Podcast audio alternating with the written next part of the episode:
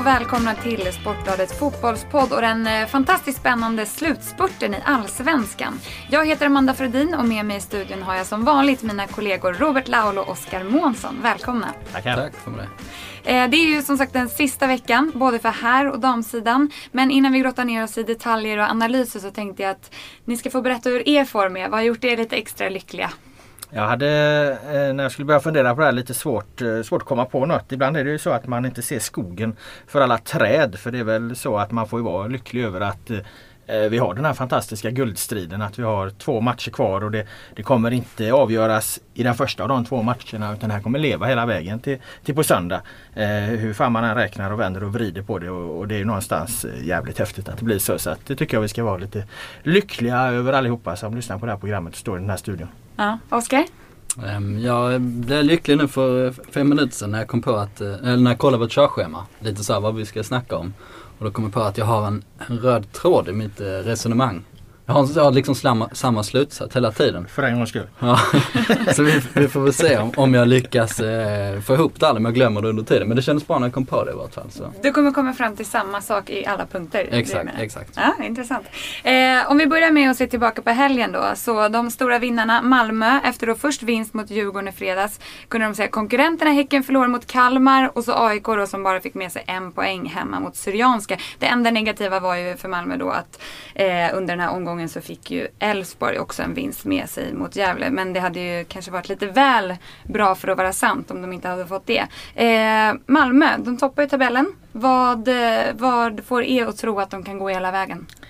Eh, att de eh, är det lag som eh, har haft minst eh, störselmoment här på, eh, på planen, alltså på det rent sportsliga. Va? Vi kommer komma in lite senare på turbulensen kring, kring klubben och eh, kring ledningen och ekonomin och så vidare. Men det, det, i, det, i det korta perspektivet påverkar inte det spelarna så mycket och eh, Rickard Norling, tränaren, har dels haft en tydlig linje här eh, en röd tråd. Jag vet inte om det är den Måns som kommer att återknyta till sen. Men han har haft en röd tråd. Han, han har inte ändrat speciellt mycket. Han har kört med i princip samma lag då ända sedan eh, Mattias Ranegi försvann. Enda förändringen han egentligen har gjort är ju att han har, eh, han har balanserat mittfältet lite mer defensivt. Spelar Marcus Halsi där eh, tillsammans med Erik Friberg oftast då. Nu var ju Friberg avstängd senast. Då kom, kom Wilton in och det fungerade bra. Eh, Medans eh, Andreas Alm i AIK, framförallt Alm, eh, även Jörgen Lennartsson en del och eh, till slut här då även Peter Gerhardsson i Häcken har, har, har, ändrat rätt mycket, tvingats till att ändra rätt mycket. Det har inte Norling behövt. Eh, därför har Malmö på något sätt kunnat liksom toppa guldformen som man, som man, eh, som man kan kalla det då. Va? Det, eh, det är ingen slump att, att eh, man går starkt mot slutet av en säsong. Det finns ju anledningar till det och anledningen tror jag är just eh, den här kontinuiteten de har haft. Vad tror du talar för Malmö, Oskar? Jag håller väl med ganska, ganska mycket i den analysen. Sen helt enkelt att de är i bra form då. Eh, Elfsborg har ju som vi pratat om flera gånger har ju sackat då under ganska lång tid och tappat successivt medan då både Häcken och AIK har gått på minor nu på slutet. Så eh, det är ju ett skäl så gott som något.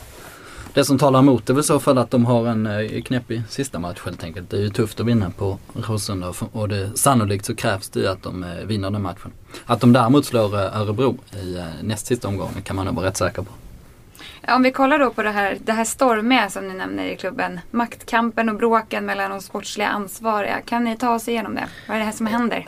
Ja, alltså det som eh, fick fart på allting är ju att, eh, ja det var väl våran eh, reporterkollega här Johan Flink som avslöjade att det, det fanns en spricka mellan sportchefen Per Ågren och tränaren Rickard Norling. Eh, sen kom väl inte Flink så mycket längre på, på det spåret än att han, eh, han kom fram till just att den här, eh, den här sprickan fanns och eh, eh, kunde publicera det och det visade sig stämma och hänger ihop med med Malmös ekonomiska läge att klubben genomgår just nu en en rejäl omgörning. Va? Man säger upp eh, tio anställda tror jag det som ska bort. Ehm, och här ser väl helt enkelt Norling då sin chans att ta en, en managerroll i klubben. Eh, det gör ju att man kan spara en, en sportchefstjänst om man då har eh, har en tränare som kan sköta, sköta detta. Det var ju vad Norling var inne på på i AIK. Eh, han hade väl samma, samma eh, diskussioner och konflikt med, med klubben där om att han, han ville liksom ha ett, ett större och bredare ansvar, då, ett manageransvar. Eh, vilket ju inte är någon dum tanke kan säkert fungera bra. Framförallt om, om nu då och Ågren och, och Norling inte, inte riktigt drar jämnt här. Det lär de inte göra. Nu har man inte fått hela bilden än men man har ju förstått att det finns en, en tydlig spricka. Och det, och det är som du säger, Norling är säkert väldigt intresserad av att ha den här managerrollen. Eh, vilket syns då inte minst med att han har anställt Daniel Andersson och Jörgen Pettersson som coacher som är väldigt så hands-on på träningen. Och Norling då har ett mer övergripande ansvar. Och det, och det närmar sig lite den här managerrollen. Eh, och då vill eh, Malmö styrelse men har eh, föreslagit att Jörgen Pettersson ska få gå. Han ligger risigt till och då blir väl Norling sur.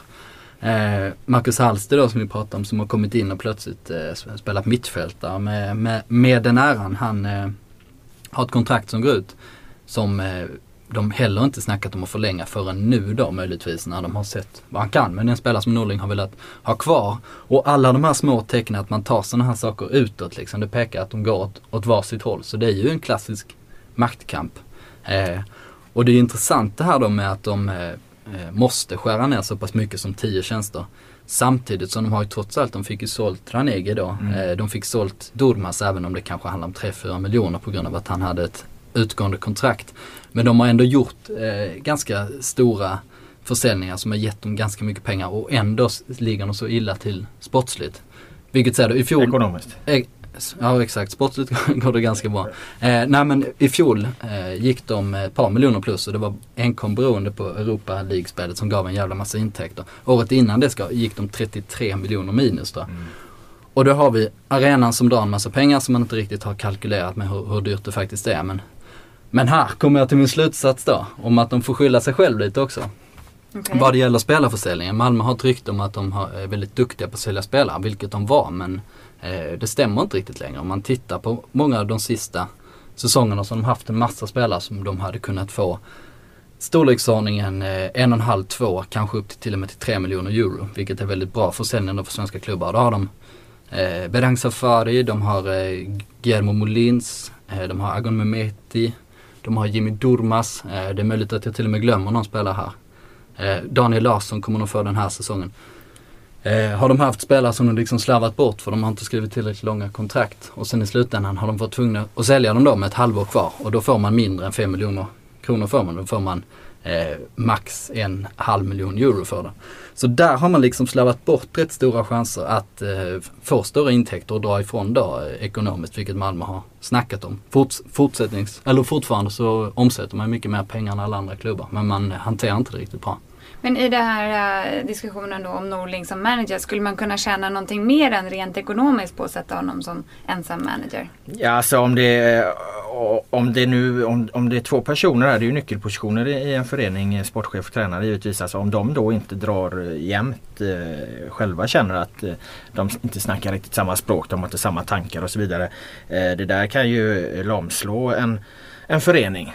Det är klart att det är negativt. Det är klart att det är bättre i så fall ifall man får en tydlig liksom, eh, ledarstruktur där. Och som, som Månsson var inne på här, det är inte bara Ågrens fel givetvis men några av de här försäljningarna, några av de här eh, uteblivna förlängningarna av kontrakt och så vidare får man väl knyta till Per Ågren eh, som ett misslyckande för honom. Så att, Ska bara skjuta in här då, då har vi nästa säsong har vi Ivo Pekalski och Jiloan Hamad. Mm. Vars kontrakt går ut nästa säsong.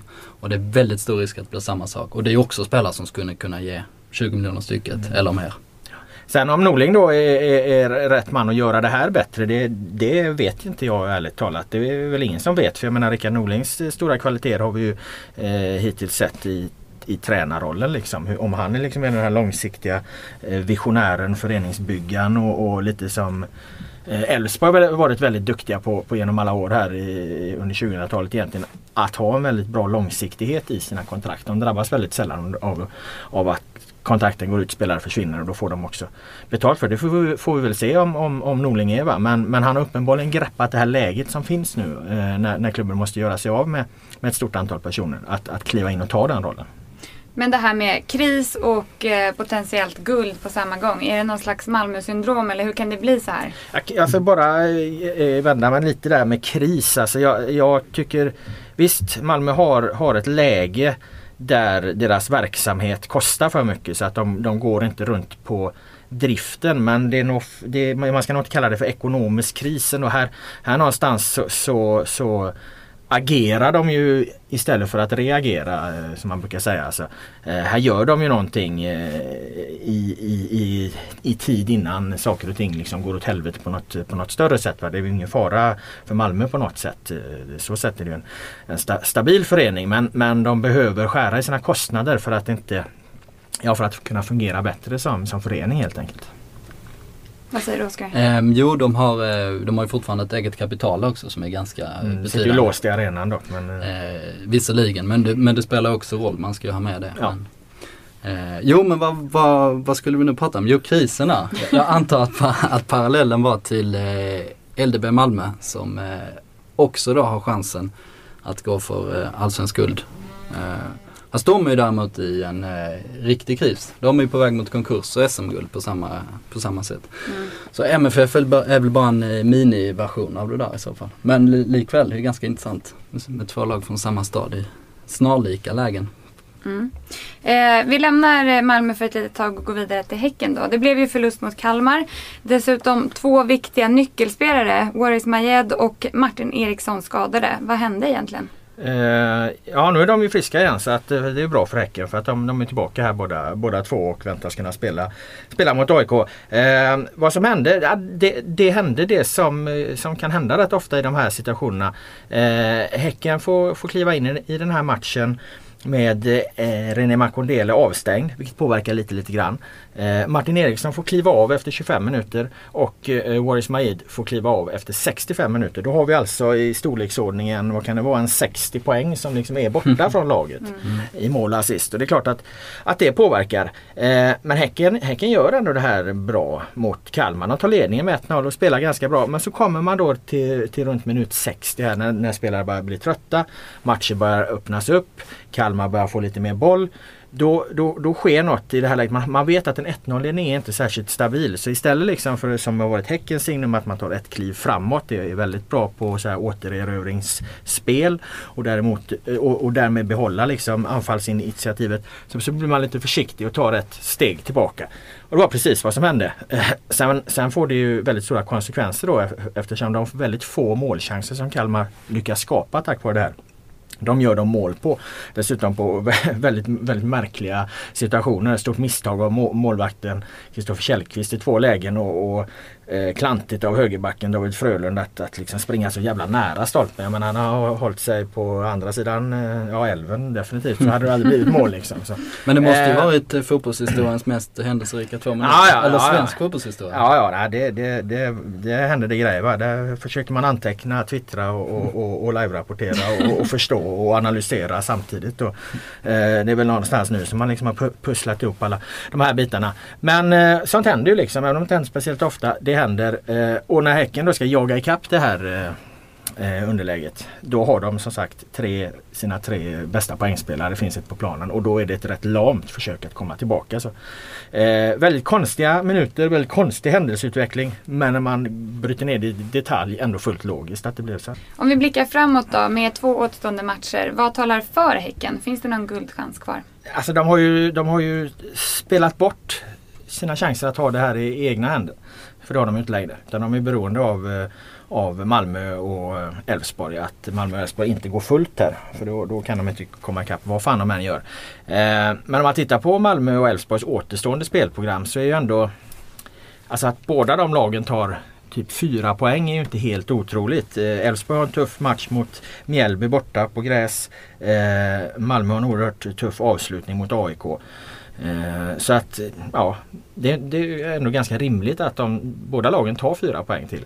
Och skulle Häcken då gå rent sina två sista matcher, om de nu slår AIK som är den viktiga matchen för dem och sen slår Sundsvall, vilket de naturligtvis kommer göra. Sundsvall helt under isen, förlorar 4-0 senast. Ja då kommer de här lagen landa på, alltså på 59 poäng allihopa om jag räknar rätt. Och då, då, då vinner ju Häcken där på, på målskillnad. Men de har det inte i egna händer utan det är, det är de andra lagen som faktiskt har det i egna händer. Återigen lite underdogs alltså. Ja, De, eh, ja, vad skulle man kunna säga? Om man, om man skulle räkna, om man skulle göra tårtdiagram av det här så känns det som att tårtbitarna för AIK och, eller för Malmö och Elfsborg bo- borde ju rimligen vara ungefär lika stora. Så- Ja. Det kan väl eh, matematikprofessor Laul bjuda på ett Min, jag, jag minns min, eh, min matematikprofessor var inte, men min mattelärare. Han var, var väl lite så duktig lärare då på, när jag gick på gymnasiet. Men han avskydde tårtdiagram då. Det var det absolut bästa han visste. Så, så jag vet inte om matematikprofessorn också. Men det jag skulle... Ja, men, ja, men jag, jag tycker du retade mig för den här mat, eh, min matematiska uträkning som vi byggde på att vi skulle, vi byggde, byggde på att vi skulle få en guldfinal på Råsunda mellan AIK och Malmö. Och jag menar vad fan den matchen kommer spelas mellan AIK och Malmö på Råsunda. Det kan bli, det kan bli en guldfest efteråt. Det enda som är, jag har missat i den här uträkningen är ju att AIK då inte kan vinna något guld. Så att, jag Fast menar, det är så jävla illa. Det, det är ju två, två av tre ju. Jag skulle vilja säga att det är fem- 50% eh, fel på den här eh, matematiska formeln. 66,7% Men, men hur som helst, om, eh, om eh, Malmö och Elfsborg har ungefär lika stora chanser. De kanske har 40% chans var där. Så har väl Häcken eh, 19, 19 och AIK 1. Ja men där var vi överens då. Nå, Någonstans sådär kanske eh, förutsättningarna ser ut. AIK har ju max 1% det är ju. Ja, en I- knapp, knapp. Ja det, det hjälper nog inte. Eh, vad som än händer. Det ska till eh, ett par mirakel på vartannat så, om det ska gå. Men om vi kollar på Elfsborg. De har det lättaste motståndet i de resterande matcherna på spelschemat. Men de har det tajtaste spelschemat. De spelar nu igår måndags och så torsdag och söndag. Kan de vara lite slitna i kroppen eller hur är deras form? Ja, deras form är fortfarande lite svårbestämd skulle jag, eller svårbedömd skulle jag säga. För att de nu gjorde de ju en eh, väldigt, väldigt bra eh, första halvlek mot Gävle här och det var ju egentligen deras första eh, genomgående bra halvlek på, på se- se- ja, sju, åtta matcher alltså sen i augusti liksom. Sen är de bra försvarsmässigt i andra också men i första halvlek mot Gävle får de verkligen allting att fungera. Eh, men inte riktigt på samma sätt i, i andra halvlek då. Och det, det känns lite svårt liksom att bara utifrån den insatsen säga att nu är Elfsborg tillbaka på, på banan igen. För att eh, de trivs ju väldigt bra på hemmaplan. Det regnade rätt mycket där igår. Den här mattan, konstgräsmattan som är snabb i vanliga fall, den var extremt snabb igår. Elfsborg är väldigt skickliga på att utnyttja det. Plus att, plus att de mötte ett lag som Gävle som aldrig någonsin hotar i djupled vilket gör att du kan kliva upp med backlinjen Eh, och, och egentligen inte behöver oroa dig för att tappa boll så, så mycket och så eftersom du får aldrig några kontringar på dig. Eh, då går det att spela med väldigt hög press, väldigt stor risk, sätta den här eh, oerhörda farten på passningsspelet. Och det gjorde ju Elfsborg fantastiskt bra. Men det kommer de inte kunna göra på samma sätt mot eh, mot Mjällby som dels har, har bättre djupledsspelare dels kommer det vara en helt annan eh, ett helt annat underlag. Men om vi kollar på, på torsdag nu och på söndag. Vilka spelare måste liksom verkligen leverera och kliva fram som ni ser det? I Elfsborg. Mm. Eh, där har vi ju, Anders Svensson gjorde ju det med bravur nu senast. Han gjorde ju till och med Ja, ett, eh, ett, eh, fantastiskt mål och han är, han är givetvis en viktig spelare då. Eh, och i det här läget, eh, man brukar ju tjata om att rutin är viktigt men, eh, men det är det ju givetvis i den här typen av eh, sekven, eller den här typen av Eh, matcher i det här skedet på säsongen. Eh, ja, framförallt ska de ha någon som kliver fram och tar Niklas Hults roll här nu. Eh, Hult är ju en stor anledning till när Häckens offensiv fungerar. För att även om han inte bidrar med så mycket assist och, och, och mål och så här kanske eh, så, så utgör han ju ett ständigt hot hela tiden. Det, man märker ju på lagen som möter Elfsborg att man har väldigt stor respekt. Man vet att Elfsborg söker ofta den bollen. Man vet att han hinner alltid de här bollarna och så. Så att eh, här ska ju Jörgen Lennartsson då Eh, sätts ju han lite på prov vad, han väljer för eh, eh, spelartyp där och det snackas mycket om de här unga killarna, andra unga killarna i Elfsborg nu, Marcus Rodén och Simon Hedlund och så vidare som, som är lite kvickare. Men igår bytte han in eh, Joakim Jörgensen som egentligen är en central mittfältare, satte honom på kanten för att, stabilisera upp det här då för att säkra lite bakåt också. Jörgensen gjorde en otroligt bra match, tror inte han hade en felpass på, på, sina då, på sin halvtimme. Eh, och kanske är det, är det ändå den typen av match där, där Lennartsson kommer luta sig mot en, mot en sån spelare för att eh, ja, eh, växa in i matchen och, och över tid eh, skapa ett mål på, på individuella kvaliteter och så istället för att spela li, li, som de har gjort här på hemmaplan. Man kanske väljer den typen av alternativ också när man inte är helt säker på vart man står någonstans. Nej. Formmässigt när man inte vet om man vågar rusa framåt och bara helt enkelt lita på att man är så pass mycket skickligare än motståndaren. Men med Hult är intressant eh, som spelare också för han är ju inte han är ju inte särskilt eh, effektiv om, man räknar poäng som vi brukar eh, göra och prata mycket om poängspelare som är något av ett, ett modeord i den moderna fotbollen. Men han tillför ju en dimension, lite som du är inne på, till ett förutsägbart lag. En Mm. helt eh, annan typ. Lite som Martin Mutumba, eller ganska mycket som Martin Mutumba eh, i AIK. Eh, det var ju till och med Andreas Alm tränaren där som hade kommit, eh, alla han hade tittat på statistiken. Den ena statistiken sa att Martin Mutumba gör nästan inga poäng. Trots att han då har bollen mycket, trots att han attackerar hela tiden från vänsterkanten. Men då tittar han på den andra statistiken här istället. Hur många matcher har vi vunnit med Mutumba och hur har det gått i matcherna när han inte varit med. Och då visade det sig då att eh, AIK var mycket bättre när han var med helt Mm. enkelt. Så det är en ganska intressant eh, aspekt som man kanske inte tänker på i ett första läge. Och där säger ju nu till och med eh, an, eh, tränare Alm då att, att guldet är borta och det är det ju. Men det finns ju fortfarande ganska mycket att spela för i sista matchen på Råsunda. Det finns en Europa League-plats och så kan man ju ställa till det för både Häcken och Malmö här i näst, och, näst sista och sista omgången. Hur ser ni på de två, de två matcherna som är kvar för AIK? Ehm, ja, alltså det, det är precis som du säger, de betyder ganska mycket. Men, eh, och jag vet inte, att räkna ut vad de, vad de ska betyda och vad som krävs från tredjeplats och sånt är rätt svårt. Min eh, invändning här, jag tycker Andreas Alm är en, eh, en skicklig tränare. Jag vet inte, alla delar nog inte den uppfattningen. Eh, men jag tycker han är väldigt duktig och har gjort eh, två väldigt bra säsonger med rätt, rätt knepiga resurser och sånt till en början åtminstone. Eh, men nu tycker jag att han har hattat lite för mycket i sina laguppställningar under hösten. Vi varit inne på det. Jag tycker, det var, jag tycker det var fel att eh, bryta Allsvenskans bästa backlinje då med eh, Lorentzon, Per Karlsson, Niklas Backman, Nils-Erik Johansson. Att man bröt den när Majstorovic kom in. Eh, jag tycker det var fel att bryta inomhutfältsparet med Helge Danielsson, Celso Borges. Någon match behövde man göra det för då var Danielsson eh, skadad eller hur det nu var. Men eh, där har man spelat in Ibrahim Oro då som visserligen är en skicklig spelare men jag tycker inte han skulle komma in redan nu. Och jag tycker man har experimenterat för mycket i anfallet också. Där är det inte lika givet kanske vilka två som skulle fortsätta. Men eh, jag tycker han har eh, roterat för mycket som vi skulle säga. Han själv protesterar när man använder just det ordet rotera. Eh, för då antyder man på något sätt att man använder spelare som är lite sämre och plockar in dem istället i hans värld då. Så han vill bara säga att, att man byter spelare som är eh, Ja, men han, han, han, eh, han är gammal journalist så att han, han ska han gillar att anmärka på ord. Nej, jag, du stannar till där på uh, uträkningen där kring vad som egentligen krävs för att AIK ska ta en, eh, en Europaplats där. Det är väl så att vi måste förutsätta att eh, Malmö och Elfsborg kommer vinna åtminstone en match vardera av sina två återstående. Eh, något annat finns inte. Då slutar de som minst på 58 poäng. Eh, om Häcken vinner över AIK här på, eh, på torsdag då är de uppe i 56. Då har du kört. Ja, då då är det alltså kört för AIK så att deras Europadröm kan ju vara borta redan innan eh, den här sista allsvenska matchen på Råsunda. Så att eh, helt avgörande för AIKs del blir ju faktiskt vad man, vad man presterar mot eh, Häcken på bortaplan. Så Eller- den blir extremt viktig för dem.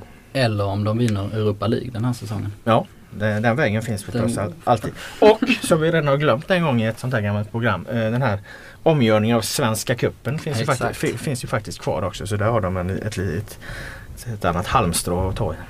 Om vi ska kolla på de två omgångarna som är kvar. Vilka tror ni kommer bli de eh, viktigaste nyckelmatcherna? Vilka får man inte missa? Alltså den, eh, den extremt avgörande nyckelmatchen är ju eh, Mjällby-Elfsborg skulle jag faktiskt säga.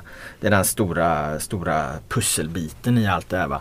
Eh, för att lyckas Elfsborg vinna den matchen då har de Åtvidaberg kvar hemma. Eh, och då, då ska det nog mycket till om de, om de faktiskt inte vinner den här allsvenskan. Att Månsson faktiskt får in sitt tips till slut. Men det är en jävligt svår match för dem. Och, och det är långt ifrån givet. De gick ju på pumpen just mot Mjällby i förra årets eh, guldstrid. Då, då mötte de eh, Mjällby i 27 omgången tror jag det var och var tvungna att vinna nere på Strandvallen för att eh, hänga på eh, Helsingborg. Förlorade med 2-1 där efter en, en eh, sällsynt platt insats av i princip varenda spelare, Elfsborgsspelare som var på planen. Eh, och dagen efter så, så gick Helsingborg och vann med 3-1 över Gais och kunde fira guldet. Så att eh, ja, historien brukar ju upprepa sig ibland. Så att, nej, men den, den, den matchen är extremt central för, för hela guldstriden just för att Elfsborg då kan avgöra hemma på, på Borås Arena mot ett Åtvidaberg som inte har så mycket att spela för och så vidare. Så att jag skulle säga att den är, den är helt, eh, helt, eh, nästan helt avgörande. AIK och Malmö då? Ja, givetvis i, i sista omgången så kommer ju den också betyda, betyda någonting. Men, eh, men den är så förutsägbar på något sätt att välja ut som, som nyckelmatch. Så jag delar lite den här, eh, använder, Ni ville vara lite luriga bara. ja exakt. Eh, och, och dessutom kom jag på min slutsats här som jag glömde. Jag sa ju att jag skulle komma tillbaka till samma slutsats hela har tiden i inte gjort det en programmet. enda gång eller? Nej, jag har inte det. Så, eh, så, min slutsats på AIK då var, skyll er själva. Eh, I och med att de har spelat, borta, spelat bort chanserna då, både mot eh, Syrianska och Gävle på hemmaplan genom att rotera med laget för Mm. mycket. Det var en jäkla snirklig röd tråd i det här programmet. Eh, ja men det kommer, det kommer mer. Så, hur mycket tid har vi kvar att jobba på nu? Innan vi lämnar toppklubbarna här så måste ni ju tippa. Vem blir det som vinner Allsvenskan? Ja, det, ehm, det är ju väldigt jämnt då mellan två klubbar som vi snackade om. Men eh, eftersom jag har stått fast vid Elfsborg. Jag har varit Elfsborg trogen i 28 omgångar så kommer jag givetvis fortsätta med det. Du förstår ditt kast. Ja, dessutom var jag ju ensam om att tippa Elfsborg, vilket jag sagt 644 gånger. Ja, det har vi inte hört förr. Mm. Vilket skulle vara helt bortkastat varenda gång jag sagt det om Elfsborg inte skulle vinna. Skitsamma, jag kör på Elfsborg. Robert?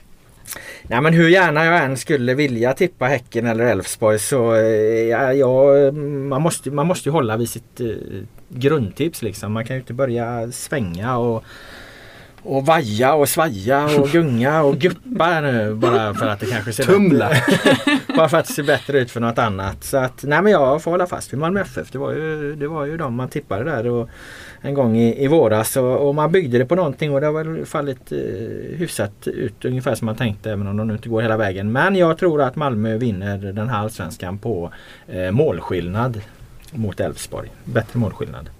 Härligt. Vi måste hitta på någonting också som den av er som förlorar ska göra. Ja, det kan du hitta på. Eh, jag tycker att ni ska eh, sjunga en sång. Jag tänker så här, vi byter ut vignettmusiken i nästa program mot en, eh, en sång från den av er som förlorar. Okej, vilken sång då? Och då tänker jag så här, Frank Sinatra, I did it my way.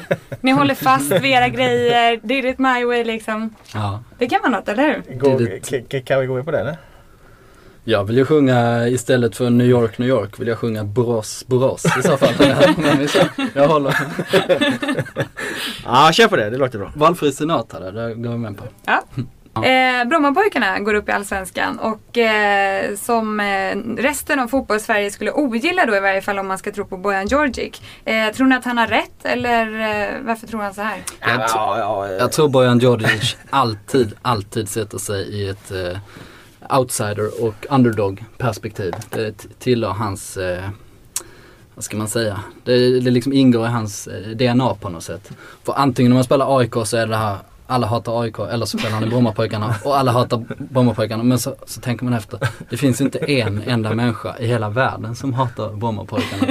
Där, Det, Nej, de är det väldigt man, oförargliga. ja, det, det man, ja det är absolut det är klart att de är det. Man möjligen kan säga är väl att det är väl många eh, kanske tycker det är ett eh, tråkigt lag eller tråkig förening så tillvida att de inte har någon direkt liksom eh, publiktradition och det är ju ett väldigt svagt publiklag. Eh, de har ju inte många, när de var uppe i Allsvenskan senast hade de inget vidare publiksnitt. Eh, Ändå ligger de ju här i Stockholm och har ju ett par så kallade derbyn då liksom. Så att eh, nej det, det, det är väl mer av den anledningen man tycker det är lite tråkigt när, när, när sådana lag kommer upp liksom som, som det inte är något vidare drag kring och så här va. Men, eh, men om vi... men annars alltså det finns ju ingen rivalitet mot Brommapojkarna så att det här med att, man, att, eh, att folk skulle hata dem eller tycka det är fruktansvärt det är så, så, är, så är det ju absolut inte utan det är just den här publikaspekten då.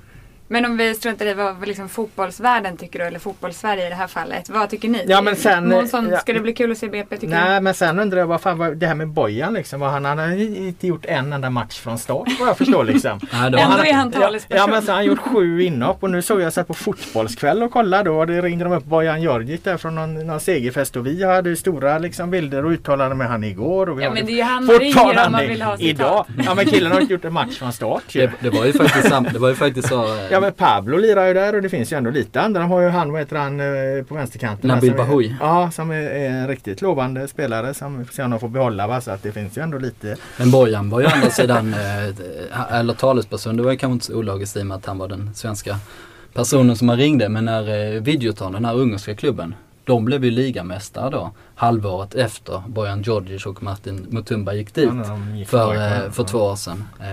Och då hade ju inte någon av dem spelat en enda match. De hade kanske så fyra minuter Men menar du, att, han, menar du att Bojan var talesman liksom ute i världen för, för denna klubben? Ja, var, det, eh, var det hem mot Sverige? Eller? Nej men jag tänkte att eh, då, då kanske uttalet borde vara ett lite så här att eh, ja, kul att klubben vann. Själv var jag inte så delaktig sådär. Men, Ah, men det var ändå okej. okej, nu har jag min fjärde titel eller vad det nu var. Så.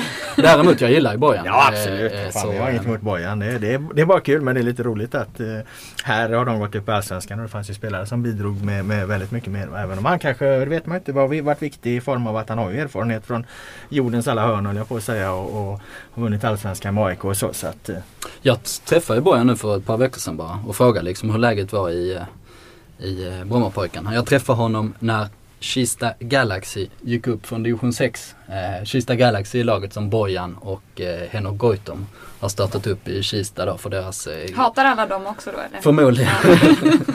ja, de, de torde vara ett av de mer populära lagen i Sverige men eh, ja, det, det vet jag väl inte riktigt. Men hur, som- hur som helst, eh, jag träffade honom där och snackade liksom om situationen i, eh, i Brommapojkarna. Och då sa han ju att han, inte, han var liksom inte riktigt i form sådär men han tyckte det var kul att vara med igen liksom. Jag stöttar grabbarna bla bla bla. Och nästa säsong kommer jag fortsätta Brommapojkarna och då händer det saker. Så vi får väl se. Just nu har han ju inte, har inte varit i någon bra form. Han har inte spelat på länge och sånt. Så vi får väl se vi- näs- vi- nästa år. vi har inte hört det sista av Bojan kan vi säga. Det Nej, har vi verkligen inte. inte. Men det bidrar väl vi också med. Vi ringer också honom Ja, ja. när vi vill ha citat. Bojan kanske lyssnar på det här. Det är inte alls eh, omöjligt. Så. I så fall får du ringa Bojan. Men du brukar ju annars slå ett slag för underdogs till höger och vänster. Du kan väl slå ett slag för BP också? Brukar det? Ja, Vilka då? Öster, Bajen och... Nej, nej vi hoppar Nej, över det. Nej, men det, jag, är hejar, jag det- hejar på alla lag. Jag det- hatar inga lag. Eh, Det är ett spännande lag, eh, Brommapojkarna. Eh, Duktiga då på sin eh, talangutveckling och, och så här va. Även om de kanske inte är riktigt så duktiga på det som, som eh, bilden är va. För så himla mycket landslagsmän och så har de ju faktiskt inte fått fram. Men nu är det ju ett väldigt, väldigt typiskt konstgräslag. Alltså spelar oerhört fort på sin hemmaplan. Har stora, mycket större problem borta. Har, har väldigt mycket spelartyper som passar bra in där. Så att eh, det är många, många lag eh, tror jag kommer att få, få problem på Grimsta IP när, när BP sätter fart. Med eller utan Bojan. Däremot kan de ju tappa halva truppen för att eh, alla kontrakt går ju ut. Även för de här eh, bästa spelarna. Pablo Pinones Arce och eh, Nabil Bahoui för att ta Mm. ett par exempel. Pontus Segerström som är mittbacken då. Som däremot de är ganska glada att kontraktet går ut för det. Han har hu- 100 000 i månadslön. Han fick ett helt vansinnigt kontrakt här för några år sedan. Men, men hur som helst, de kan tappa halva truppen så hur laget ser ut nästa säsong det har man liksom inte en aning om just nu. Eh, vi går vidare till damallsvenskan som ju avgörs på lördag i sista omgången då ettan och tvåan Malmö och Tyresö möts. Eh, senast de möttes i våras då vann Tyresö med 2-0. Vad har hunnit hända då sedan dess? Ja det har hänt hur mycket som helst. Bland annat att Tyresös starke man som har tagit dem från eh, division 2 eller till och med 3 kanske. Har blivit eh, dömd för eh, sexköp och eh, vilket det skrivits om. Klubben har dock meddelat att han inte har någonting med, med föreningen att göra. Vilket, vilket han naturligtvis har. Men så, ja, där har ju hänt mycket kring det liksom. De har Mm. fått bygga om hela eh, klubben, de har fått plocka in Tony Gustafsson, eh, de har fått eh, lägga locket på från att vara väldigt öppna då till medierna till att liksom sluta, sluta alla led liksom och fokusera på sitt. Eh, och i Malmö har det ju hänt eh, massa saker. Först och främst att de gått väldigt bra och sen nu till sista matchen som jag antar att vi kommer att prata om där de mötte Umeå, Mm. mittenlaget Umeå, inget Umeå som förr i tiden där de var givet topplag. Eh, och Malmö behövde en vinst och i så fall hade de eh, tagit hem serien redan där. Men de trasslade till det lite. Det blev, Ja, vad det blev, det blev 1-1 och eh, Ramona Bachmann som är eh, eventuellt hela seriens bästa spelare gjorde ett helt historiskt eh, hjärnsläpp, eller ett dubbelhjärnsläpp. De två gånger under matchen tog bollen med händerna. Helt oförklarligt. Och gick, fick givetvis gult kort två gånger och blev utvisad. Och redan vid första gula kortet så visste hon ju att eh, det var kört. Det blir ingen guldmatch. Och så kör hon på och blir utvisad till slut. Ja, det måste ha brunnit i huvudet. Ja man säger ju det. Det finns ju, eh, om vi ska återgå till min skoltid en gång till här så, så fick jag lära mig på, på biologin att eh, eh, vissa fåglar, typ så här tjädrar när de skulle slåss mot varandra. eh, så, eh, eh, så när liksom viljan att attackera och fly, när den blev precis, precis lika stark. Då kunde de helt plötsligt börja putsa fjädrarna istället. Och det kallas en överslagshandling. Alltså när det bara blir kortslutning i hjärnan och så gör man något helt irrationellt. Där har ni min förklaring, förklaring till, till Ramona Backman. Ingår det här i din röda tråd? För i så fall är det den... Ja, hon, får skylla, hon får skylla sig själv såklart. Ja okej. Okay, ja. jag, jag var på väg att, att tänka på det här som då, alltså inte något, någon form av eh, könsperspektiv eller så utan mer eh, en form eh, att, det, att den här, de här handbollssituationerna visar liksom eh, att damallsvenskan är en fotbollsliga som har väldigt långt kvar eh, ur ett professionalitetsperspektiv. För att sånt här kunde man ju göra ibland när man var junior. För man visste att eh, eh, eller man hade liksom ingen bild av att det får inga direkta konsekvenser. Men liksom överförde till att det skulle hända i herrallsvenskan. Att eh, AIK har chansen på guldet och deras största stjärna i näst sista matchen eh, gör de här grejerna. Alltså det skulle bli sånt ramaskri från supportrar och så vidare. Alltså det, alltså, en spelare skulle inte våga göra det. Eh, men då tänker man ett varv till sen. Och så tänker man på Zinedine Zidane i VM-finalen 2006 alltså. Alltså det här händer ju även på högsta, absolut högsta nivå för att när Zidane skallar Materazzi för att han då blir eh, förolämpad, verbalt förolämpad. Det är ju egentligen ett, det är ju, det är ju ett hjärnsläpp som är 33 000 gånger värre än det Ramona Bachmann gör. Eh, så att eh, det händer ju faktiskt när det, när det gäller på riktigt också. Ja det är ju hjärnsläppens hjärnsläpp ja. på något sätt. Jag vet inte vad man ska Nej men det är klart att det, det, det, det är det absolut största hjärnsläppet som, som överhuvudtaget finns i fotbollshistorien och kanske i världshistorien också. Jag vet inte. Oskar, kan du komma ihåg något roligt hjärnsläpp på fotbollsplan? Jag tänkte direkt eh, när jag såg Ramona Bachmann, det här obegripliga Hansen att man plötsligt spelar handboll istället. Då tänker jag såklart på Olof eh, Mellberg i den här eh, ja, i Kroatien, kva, i, Kroatien, mm. i Zagreb. Eh, det står noll, Maximir. Maximirstaden i Zagreb. Det står 0-0 mot Kroatien eh, i den här kvalgruppen stod ju mellan Sverige och Kroatien. Det var givet, givet då. Och det kommer ett så här riktigt ballonginlägg. Och Mellberg går upp i nickduell. Och sen plötsligt bara tar han bort bollen med handen. Liksom volleyboll spelar bort bollen med handen. Och, jag, och som jag minns det efteråt, Mellberg kunde liksom inte själv eh, förstå vad det var som hade hänt. Nej, nej, nej. nej. Han... Det, var, det var som tacklingen mot San Marino där på mittplanen. Han blev utvisad som han var helt eh, rasande över. Eh, mot San Marino tyckte han att han absolut, det var ju inte ens frispark liksom. Det var ja, det. Om. Den här gången så var han lite så att ja, ja okej, nej men det fick man ju ta på sig då. Men det var ju inte så att han hade gjort det avsiktligt på något sätt. Han hade gått upp där liksom. Armen hade råkat åka upp i luften och så hade den bollen träffat den på handen. Så att det var inte, det var inget han kunde göra åt det va. Har ni själva varit med om att ni fått något hjärnsläpp sådär när ni har spelat? All, aldrig någonsin i, i hela mitt liv. I, no, i, något, I något sammanhang. Nej, sällan på planen men jag minns en gång när jag hade slutat liksom spela fotboll på, på högre nivå då och, och skulle varva ner i något eh, division 5-gäng här uppe i Stockholm med Patrik Ekvalls fotbollslag av alla jävla lag man har harvat runt i dess, dessutom. Så, ja det här var i femman eller fyran eller vad det nu kan ha varit. Va? Och så Ja, jag gör en eh, riktigt bra första halvlek eh, då. Eh, ligger bakom två mål om jag inte minns fel och från min centrala roll på mittfältet. Men sen framåt 35-40 minuten där någonstans där så blev jag utbytt. Och eh, jag förstår ingenting va? så att jag blev så jävla irriterad så att jag gick ju rakt in i omklädningsrummet, bytte om, satte mig på tunnelbanan och åkte hem. Va? Jag satt där på tunnelbanan så ringde ju presidenten då som vi kallar honom. Han var ju även coach då och sa vad fan är det någonstans? Nej men du bytte ut. Jo men det är ju flygande byten här va. Du, skulle du komma in sen igen? Och det hade jag ingen koll på att man då fick byta in och ut där va. Så att jag satt ju och tjurade på tunnelbanan och hade redan dratt därifrån. Men då fick man ju lära sig något nytt. Så det var väl inget hjärnsläpp kanske men det var en rolig historia. Jag kan ändå se det framför mig, ditt tjurande. Du får skylla dig själv. Ja. Ah, där kom den. Hopknytningen. eh, det var det vi hade att snacka om den här gången. Ni får ju såklart inte missa den här fantastiska helgen då när allting kommer att hända. Eh, vi är tillbaka igen nästa vecka och då får ni vara med oss för då ska vi knyta ihop säcken, utse toppar och floppar och sämsta och bästa. Och så Robert Lauls eh, succékoncept eh, Kassgalan eh, kommer alltså nästa vecka. Kör vi det här alltså? Okej. Okay. Ja, det kör vi. Eh, var med oss då. Tack för att ni lyssnade. Hejdå.